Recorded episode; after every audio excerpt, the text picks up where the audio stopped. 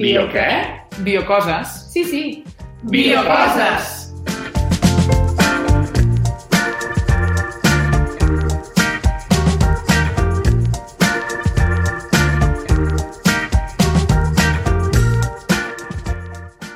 Bon dia des de Mataró Ràdio i benvingudes a Biocoses, un programa en què parlem de ciència i salut perquè tothom la pugui entendre i gaudir com ho fem nosaltres.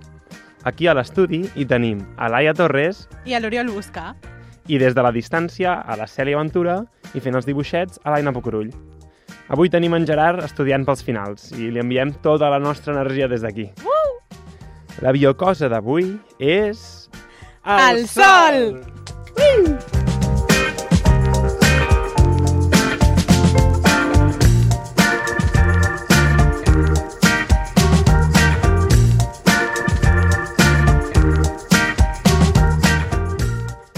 Començarem l'episodi amb l'àvio de la Cèlia. Aviam què ens vol explicar, que ella està a Suècia i està vivint aventures. Hola gent, doncs aprofitant que el tema d'avui del programa és el sol i que el sol és una gran part de la cultura sueca, que és on estic jo, dic que és una gran part de la cultura sueca perquè sembla que no puguis tenir una conversa sense parlar del temps. I, bueno, total, que he decidit sacrificar-me pel programa, viure tota una aventura fent justícia i honor al meu nom, ser l'aventura, i, um, bé, em quedaré desperta fins que surti el sol i us narraré tot en directe. Bé, mentre tenim a la Cèlia esperant a que surti el sol i s'acabi aquesta nit tan freda, uh, nosaltres començarem aquí parlant doncs, del sol, no? Què és? Llavors, si fossin plantes, el sol ens serviria molt doncs, per fer la fotosíntesi, per produir l'energia, perquè, clar, les plantes sense el sol no poden viure. I estaria bé que nosaltres, prenent el sol directament, ja tinguéssim tota l'energia necessària per anar tirant i això, et poses 5 minutets al sol i ja no cal que mengis ni que facis res més durant tot el dia. Bueno, però els humans això de tenir arrels ens costarà molt, eh? Sempre que puguem volar... Mm. Bé, per les arrels, precisament, no fan la fotosíntesi les plantes, No, però vull dir que no és només, No, sí, sí. que no és només el sol, que també... Llavors, com que no tenim fulles ni arrels, per què serveix el sol? Perquè som fans del sol nosaltres. Ens vam fer fans del sol ahir, ahir, ahir. I avui sabem d'on surt, i avui sabem d'on surt. La teva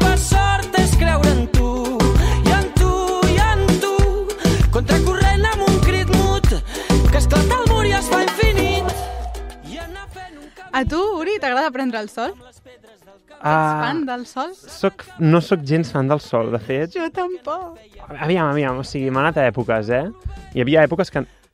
Bueno, no èpoques, però recordo un dia que vaig sortir amb paraigües per la muntanya, bueno, per la muntanya, pel camp, no anava allà d'excursió, anava a passejar pel Pujant al camp, Puigmare amb, un, amb, un, amb una ombrella, amb un, amb un paraigües per, contra el sol. Uh, he tingut èpoques de... Uf, no, perquè vaig fer una assignatura a biomol, biologia molecular, que em va, agafar, em va fer Sí. agafar pànic al sol, i no és plan, eh, tampoc, vull dir, no volem aquí fer agafar pànic a ningú. Exacte, o sigui, per què ens ha agafat pànic estudiant biologia molecular, que jo també la vaig fer? Perquè el sol, més no, no el sol, sinó els rajos ultravioletes del sol, provoquen danys a l'ADN, que si no sabeu què és l'ADN, podeu anar al segon episodi de Biocoses, de l'ADN CRISPR i PCR, eh, per saber què és. Llavors, això, els rajos ultraviolats del sol poden provocar danys a l'ADN. I un cop es provoquen aquests danys, les cèl·lules del nostre cos respon de dues formes. Per una banda, alliberant endorfines i per l'altra, produint melanina. Llavors, primer, les endorfines, que això està relacionat amb la pregunta que t'he fet abans de si t'agradava prendre el sol. Les endorfines són unes hormones que Um, que et fan sentir a gust amb la vida. Llavors, què passa? Que per això hi ha gent que realment no és que, no és que sigui addicta a prendre el sol, però sí que es podrien arribar a donar cas. O sigui, en un article on, on he estat buscant informació parlant d'això, que comparaven l'addicció del sol a l'addicció de l'heroïna, perquè es produeixen endorfines i per això a la gent, a vegades, li agrada prendre el sol, aquí en aquest cas a l'estudi som l'excepció, però bueno, l'excepció sempre confirma la regla. Per tant, és per això, perquè per una banda aquest, aquests rajos ultraviolats, quan danyen el nostre ADN, fan que les cèl·lules produeixin aquestes endorfines. I per l'altra, És a partir del dany, no és sí, només és a pels- partir del dany del DNA. Ah, Yes. I llavors, per altra banda, es produeix la melanina, no? que la melanina, ho vam comentar a l'anterior programa dels tatuatges, és un pigment que bé, és el que fa que tinguem la pell més o menys fosca. Llavors, quanta més melanina produeixes, més fosca tens la pell. I la melanina, l'únic, o, bueno, no l'únic, un dels principals eh, funcions que té és això, és protegir-nos d'aquests rajos ultraviolats, perquè quanta més melanina tens, menys rajos ultraviolats t'arriben i, per tant, menys dany celular provoques. jo també he de dir que no m'encanta prendre el sol, però quan m'agrada també és perquè he fabricat melanina, em poso moreno i em veig més guapo, vull dir, les coses com són. Quan Home. estem morenets, As... Sí, sí, confirmem. confirmem. Llavors, a part Que ja d'això... ho som, eh, de guapos, però... Òbviament, o sigui, si no... No ens veieu els jetos ara, però... Llavors, um, a part d'això, l'important també és, o sigui, és important prendre el sol pel tema de la vitamina D, no? Perquè aquests rajos UV el que fan és que es produeixi la vitamina D. I la vitamina D és una vitamina, com el nom indica, molt essencial pel cos perquè principalment ajuda a que es recluti el calci i el fòsfor. Llavors, el calci per què serveix? Doncs el calci és principalment perquè els ossos es mantinguin durs i ferms, perquè si no, sense el calci ens aniríem trencant o tindríem forats als ossos, que és l'osteoporosi. Llavors, per això és important no tant prendre el sol, però sí tenir vitamina D pel calci. Per l'altra banda, el fòsfor, que el fòsfor és un compost molt important també per a formació dels ossos, però a més a més també per la cadena de l'ADN tenim fosfats i després per l'ATP, que és l'adenosina trifosfat, que és com la nostra moneda energètica. Eh, que abans hem dit que les plantes utilitzaven el sol per produir energia, doncs nosaltres indirectament també, perquè ajuda a absorbir aquest fòsfor que després servirà per produir la nostra energia. O sigui que són plantes. M'acaba de patar l'encèfal ara Has mateix vist? amb aquestes connexions. I això què passa? Que la vitamina D ara ja no la reps només per prendre el sol. Ara hi ha suplements o aliments com el salmó, per exemple, que té molta vitamina D, però abans la gent havia de prendre el sol per tenir aquesta vitamina D perquè si no, no la tenien i tenien realment problemes greus als ossos. I fun fact, arrel del confinament, com que vam estar bastant de temps sense, sense sortir de casa, es veu que això, no sé si tu com a protometge ho saps, però es veu que moltes les anàlisis de sang ara surten, surt bastanta gent amb nivells de vitamina D baixos. Jo sé que hi ha hagut com controvèrsia amb els, quins són els nivells correctes de vitamina D i quins són patològics, però no, no, no això del confinament no ho sabia. Mm. O sigui, bo, jo ho sé per casos, els meus pares o una amiga meva que Aquí es va fer... la bona ciència. La bona ciència. Eh, no, però ho van comentar quan ens van donar els resultats, això, que s'ha vist nivells més baixos de vitamina D. Ah, vale. Bueno, doncs després de saber què fa la vitamina D, per què ens ajuda, per què hem de prendre el sol, per què, per què ens posem més guapos, per què ens sentim millor, anem a sentir, aviam què ens diu la Cèlia respecte a tot això i d'altres efectes que té el sol sobre la nostra salut, que a Suècia segurament se l'estimen encara més que aquí, perquè allà és un bé escàs. Bé, doncs faig el meu repàs. Ara ja són la, les 10 aquí, les 10 de la nit. Um, el sol segueix brillant aquí a tope. Eh, no tinc la llum encesa de l'habitació perquè puc treballar sense cap mena de problema directament amb la llum del sol. I volia aprofitar per parlar una mica del tema que parlava la, la Laia ara sobre la vitamina D. I és que Aquí l'hivern l'hivern va ser d'orillo, perquè, perquè us feu una idea, cap al desembre eh, el sol sortia cap a les 9 i marxava cap a les 2 i mitja 3. És a dir, que no teníem molt de sol i això el que va provocar, doncs, ens van avisar molt els estudiants, sobretot d'intercanvi internacionals, de que féssim una, una suplementació de vitamina D i de que era normal que durant aquest període ens sentíssim una miqueta més xofs de sentir-nos més cansats, de dormir moltes més hores, de no tenir gaire energia. De fet, hi ha el DSM, que és el, el llibre de diagnòstics per, per malalties mentals, que vam parlar en un episodi especial d'aquest tema, que podeu escoltar, com sempre, fem una mica aquí d'autopromo a, en les nostres xarxes. Doncs en aquest llibre es parla de, del trastorn afectiu estacional, que és el que comunament s'anomena a vegades winter depression o la, la depressió a l'hivern i en aquí bueno, pot ser un problema seriós i és que la gent que té malalties mentals doncs, tinguin símptomes més forts durant l'hivern o que apareixin símptomes que no hagin aparegut durant tot l'any. I llavors per això que és molt important durant l'hivern doncs, tenir gent al voltant, fer activitats no estar sol, eh, prendre vitamina D i intentar cada horeta que tinguis de sol doncs, poder-la aprofitar i gaudir al màxim. Bueno, jo segueixo observant el sol, us deixo que continueu amb el programa i ja us enviaré el meu últim àudio de, de quan surti el sol a veure, a veure si aconsegueixo veure, a veure si aconsegueixo estar desperta fins que surti. Caram, esperem nosaltres que no prenem mai el sol, bueno, mai, amb molta moderació, no posar-nos tristos per Mm. culpa d'aquesta falta. Jo lamento dir que la secció que m'havia preparat per aquest programa, clar, nosaltres vam dir, aviam, posem-nos en context, bueno, uh, ràpid, no sé què, no tenim temps, el següent programa serà sobre el sol. I clar, no vam especificar quin sol. I jo m'havia preparat, m'havia m'havia preparat una, una secció sobre el sol amb accent, és a dir, el suelo. Quedamos cerca del suelo, a la altura de tu cintura. No quedamos cerca del suelo, donde se refleje la luna.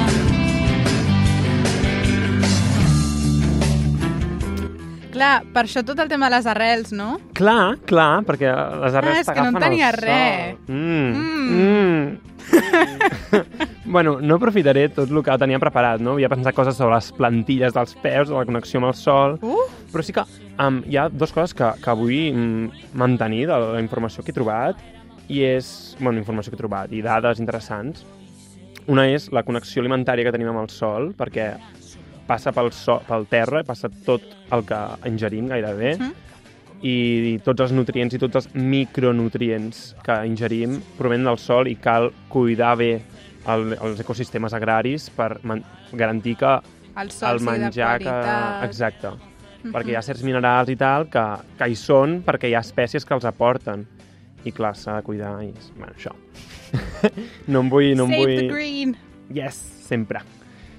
I també un problema, i és que es veu que hi ha un problema, bueno, es veu, dic com si, com si no ho sapigués, però hi ha un problema de pèrdua de superfície i de quantitat de sol fèrtil a, a la Terra, que és greu, degut a problemes de sobreexplotació ramadera, de desforestació o de sobreexplotació hídrica, és a dir, dels recursos d'aigua de certs ter terrenys, i Clar. això du a erosió, salinització del sol... Clar, perquè, per exemple, la, la desforestació de l'Amazones, no?, que s'està sentint bastant pel tema dels, de plantar advocats i tal. Ad advocats, El, bu bufets. advocats. Oh, sempre em passa el mateix. Avocados. Um, Abocados al desastre. Que, clar, si ho cremes, el sol suposo que està un, no sé quin temps, però està força temps sense poder ser fèrtil, no? Fins que s'acaba de... Sí, no, no en sóc expert, però és com Fatal, quan doncs. desforestes, pots plantar-hi i, i a part de que els, els, aguaca, els albocats requereixen moltíssima Clar, aigua. L'aigua, un... aquest és el problema.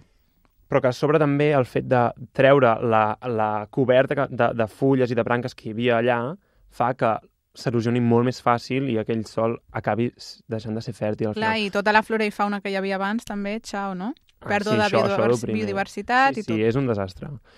Per això també, gent, uh, bueno, no, és igual, no, no ens extendrem amb aquest tema. Si parlem del sol, doncs parlem del sol, no? però el sol sense accent. Llavors, mm, recuperem coses que tindrem de dermatologia Uh, i segur que, que ens en sortirem. Ara, en primer lloc, què ens pot fer el sol um, a la pell que, que de lesió? El dany, no? Que hem, com que Sí, he comentat quines- abans. Quina, quines lesions ens pot fer a curt termini? Laia. Dany al DNA, per tant, mort I cel·lular abans, abans. tu quan et Cremada. poses com una gamba, Ah, vermellet. els guiris de la Barcelona... Ara, Ah. ara, hola, sí. Vermellet a tomàquet. Les cremades solars. Yeah, we got the fire, fire, fire. And we're gonna let it burn, burn, burn.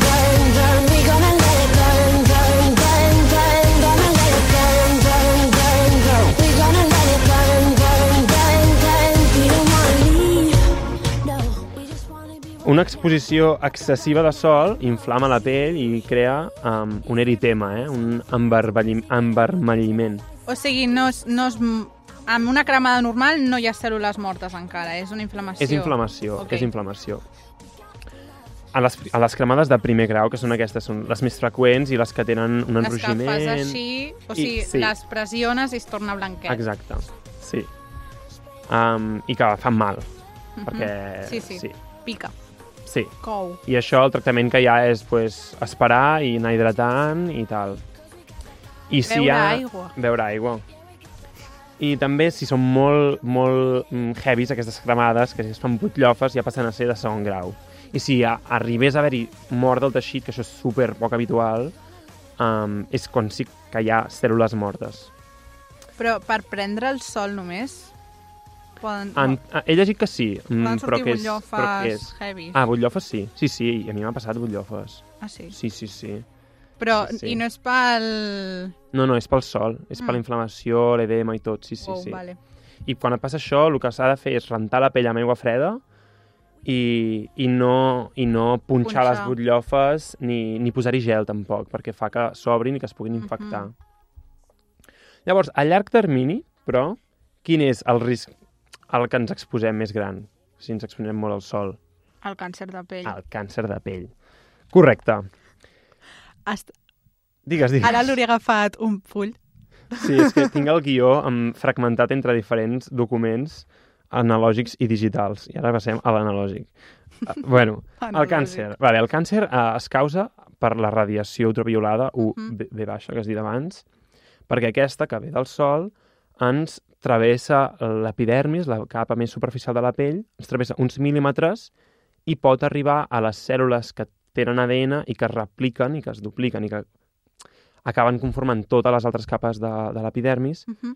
i si s'afecta aquest ADN, um, Tururut. tururut. Sobretot si s'afecten certs gens que són els encarregats de controlar la proliferació d'aquestes cèl·lules. És a dir, si hi ha un gen que està dient, vale, ara duplicat, ara no, ara duplicat, ara no, i aquest gen es torna tot boig i, i comença a fer replicar les cèl·lules um, sense parar, fa que es creï un, un tumor. Val? I els mecanismes que he trobat, jo, és que hi ha un mecanisme molt curiós que és els dímers de, De timina. timidina. Sí. que són, bàsicament, un enllaç molt fort entre dues bases nitrogenades de l'ADN, és a dir, de, com dos esglaons de l'escala, com si dos esglaons fessin nyaca Uh i -huh. estiguessin molt rígids, i llavors la maquinària no funciona bé. I això Aquest me'n recordo de biologia molecular. Mm, és que la, la, la, la Hidalgo ens en La va... Hidalgo, sí, no sí, sí. Clar, això passa, és, és molt habitual i tenim mecanismes de reparació, però si hi ha una, una exposició excessiva fa que mm, se'n creïn masses i els mecanismes de reparació no donin l'abast. I, bueno, es van acumulant, acumulant, perquè, clar, aquests, aquestes mutacions um, s'acumulen Passen a la... a la descendència, exacte. I fa que hi hagi errors de, de replicació... Bueno, Xungo. xungo. Llavors, de càncers de pell, quins, quins tenim? Laia. Els melanomes, Vale, els melanomes. que són dels melanòcits, Vale, no? molt bé. I en tenim altres o no? Suposo, si no, no m'hauries preguntat. Sí, sí. Es divideixen principalment en, en dos tipus, els Keratinoma. no melanomes i els ah, melanomes. Ok. Vale? Els, no els no melanomes hi ha de dos tipus, són la majoria, i no són mm, tan perillosos com els melanomes, molts no fan metàstasi, no, mal no malignitzen gaire, vale? però sí que s'han de treure perquè hi ha un cert risc, i no són foscos, com els melanomes. Ara explicarem més melanomes. Llavors hi ha els basals i els, escat els escatosos, vale? Els de cèl·lules basals, mm, bueno, um, són, són lesions lletjotes i rarotes, però no, no, no explicaré ara com són a Mhm, tota lletra. En detall. Um, però, bueno, això que quasi mai malignitzen. I molts, però, sí que um, parteixen de lesions premalignes, és a dir, que abans de tenir el carcinoma escatós, um, tens una queratosi actínica, que és una lesió prèvia que ja és com una crosta que, que et fa sospitar que ja pot acabar-se desenvolupant un carcinoma escatós Mhm. i que per sort es pot tractar molt més fàcilment que, que el propi carcinoma, que el propi càncer o tumor. Càncer queda molt, Heavy. molt heavy per aquestes lesions que són molt freqüents i, bueno, i no són tan greus com un melanoma. Que un melanoma és, com has dit, una proliferació de, de melanòcits de la cèl·lula que fa la melanina, el pigment de la pell, i que sí que són més greus. I aquests melanomes són taques fosques, sovint són grans, amb uns marges um, poc definits, Difús, o exacte, sigui, mhm. um, com difuminadets, um, són asimètriques, tenen taques dintre de la taca, és a dir, diferents tons de colors, i que quan veieu una, una lesió d'aquestes característiques, um, sí que està bé doncs, tenir ojo, saps? Mm, Potser Ull. toca anar a fer una visita al dermatòleg Mhm. o bueno, al metge de família i que... I que bueno, i... Que s'ho revisin. Sí, exacte. I aquests, aquestes lesions són més malignes i tenen més capacitat de metàstasi. Hi ha certs factors de risc per desenvolupar aquests càncers de pell. El primer seria tenir una pell que clara o fosca. Clareta. Clara. Clar, Clar. És clar. perquè tenim menys protecció. Mhm. També, un altre factor de risc molt important és l'exposició L'exposició, solar. Val? Um, I el fet d'haver patit cremades quan són petits, és a dir, d'haver pres molt el sol sense protecció, um, és un factor de risc molt important per acabar desenvolupant, quan tens 40, 50 anys, 60 anys, aquest Clar, tipus de lesions. de petit suposo que el teu cos encara no té suficient... O sigui, no ha creat encara les defenses necessàries per protegir-te, no? Com quan d'adult. Ara, no, no estic documentat d'això i ho diré respecte al meu bagatge, el que et puc respondre. Crec que és més aviat perquè es va acumulant, o sigui, Vale. Ah, Sí. clar. es, no perquè no estiguis tan protegit quan ets petit, que potser sí, eh? però no ho sé. Pot ser combinatori. Més factors de risc amb les hores d'exposició. O sigui, no és el mateix exposar-te al sol a les 12 del migdia que a les 8 del matí o a les 3 de la tarda. De fet, es considera que entre que surt el sol i les 10 del matí i entre les 3 de la tarda, 4 de la tarda i, es pon el, i el moment que es pon el sol és com el millor moment per perdre el sol perquè quan pica és quan és més perillós. Clar, perquè et van directes, no? Els rajos no, ja no estan tan en Exacte. diagonal. Exacte. Per tant, és molt important protegir-nos contra, contra el sol. Sola podrida al menjador Arriba en Pau i em treu la manta I la Clara obre la cortina deixant entrar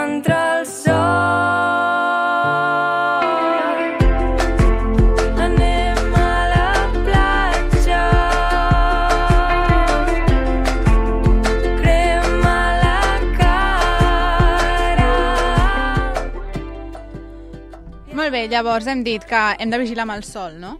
Llavors, Mhm. proteccions, com ha dit aquesta noia ara, crema la... Sorra, sol i aigua. Sorra. Sorra. Però això no és el nom de la cançó. Bueno, no ho sabem. L'ha posat en. Gerard. És la contribució en Gerard. Exacte, en Gerard, abraçada des d'aquí, Gerard. a la Biblio, t'estimem. Um, llavors, això, crema solar, no? La primera de totes. Llavors, així a grans trets, la crema solar, quan tu vas a la farmàcia, tenen diferents numerets, no? Doncs Sí. 10, 30, 50, crec. I això és simplement el factor de protecció.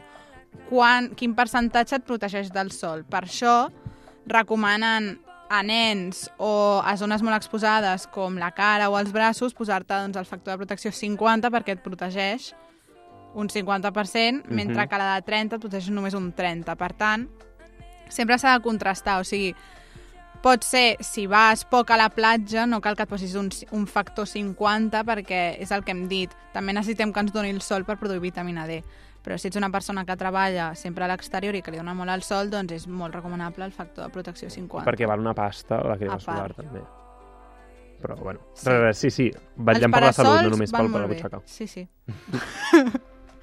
I a part de les cremes solars, també cal vigilar molt amb els ulls, no? Ah, amb els ulls, sí. Bueno, abans de passar al tema ulls, um, la crema solar, recordeu aplicar-la 30 minuts abans de l'exposició al sol perquè s'absorbeixi bé i, i que recordeu que un dia ennuvolat Sí, segueix havent-hi risc, o sigui, la radiació ultraviolada creu els núvols i ens experiència arriba. pròpia. Ah, L'any passat em vaig cremar. a un dia Després de del núvol. confinament. Després d'un dia núvol vam quedar i buf. Pum. Sí, Pum, sí, és traïdor regal. això, és traïdor. I també existeix la roba amb fotoprotecció. Uh. Però bueno, això ja em sembla una pijada a mi. Però bueno, que és totalment respectable. respectable, eh? I tema ulls. Um, les ulleres de sol. Mhm. Els ulls són, un òrgans, són uns òrgans superexposats a l'exposició... Exposats a Exposats a l'exposició l'exposició. Putum. expositiva de, de l'exposol. Ah, ex... molt exposats al sol i bueno, bàsicament són els òrgans encarregats de percebre la llum, no?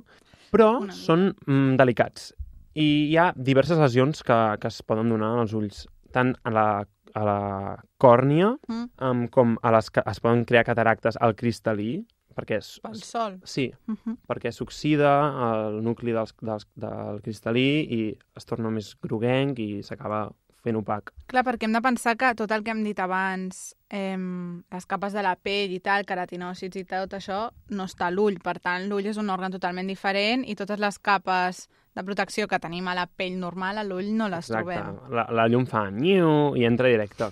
clar, Rayo cap macabí. a la retina. I a la retina s'hi pot donar um, degeneració macular, que és una malaltia que apareix amb l'edat a llarg termini i que et pot donar molta pèrdua de visió. I no al perifèric, perifèric, sinó de no poder llegir, per exemple, o de necessitar moltíssima llum o no, no distingir bé els colors perquè es moren cèl·lules de la retina, els receptors de llum. L'ull com ho evita per si sol? L'ull té el mecanisme de la pupil·la, de miosi, midriasi, és a dir, fer-se petit el forat, fer-se gran el forat en funció de la llum que vol o que no vol que entri. Clar, aquest mecanisme està regulat a través de la llum visible que entra a l'ull. Vale?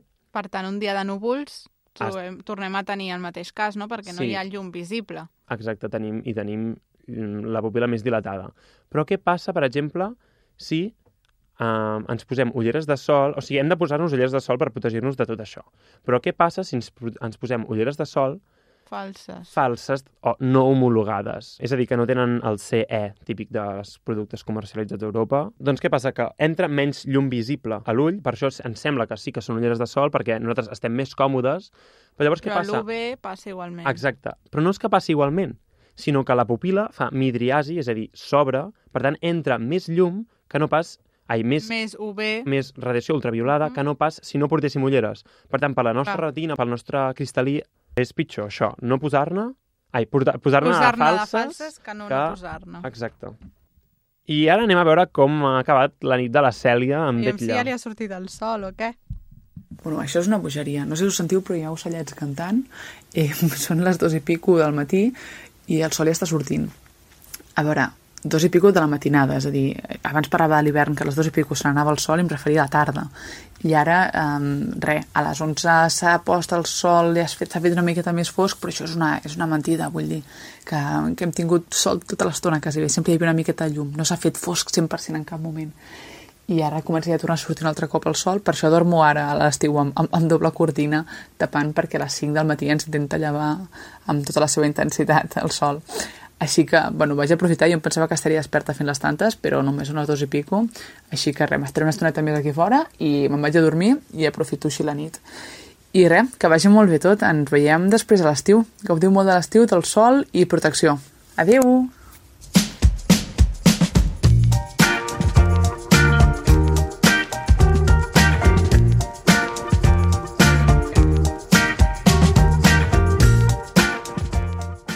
Avui hem après Què és el sol pels humans? Què ens aporta i per què és important la vitamina D?